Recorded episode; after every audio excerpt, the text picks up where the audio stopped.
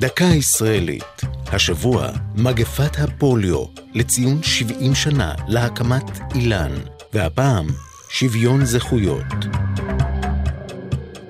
תארו לכם עולם שבו אי אפשר להיכנס למקום ציבורי בכיסא גלגלים.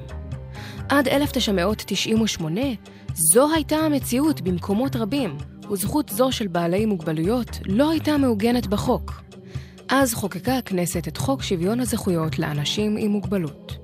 החוק מגדיר אדם עם מוגבלות, אדם עם לקות פיזית, נפשית או שכלית, קבועה או זמנית, שבעקבותיה תפקודו בתחומי החיים השונים מוגבל. לפי החוק, זכותו של אדם עם מוגבלות להשתתף באופן שוויוני ופעיל בחברה, זאת תוך מתן מענה הולם לצרכיו המיוחדים.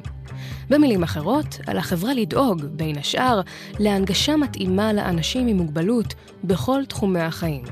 החוק כולל גם איסור אפליית אדם עם מוגבלות בקבלתו לעבודה, בקידומו או בפיטוריו, ומחייב את המעסיק להתאים את מקום העבודה לצורכי העובד עם המוגבלות.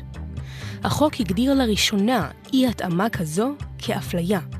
חוק זה היווה נקודת ציון מכרעת בהכרה המשפטית בזכויותיהם של כמיליון וחצי אנשים עם מוגבלויות. זו הייתה דקה ישראלית על שוויון זכויות לבעלי מוגבלויות.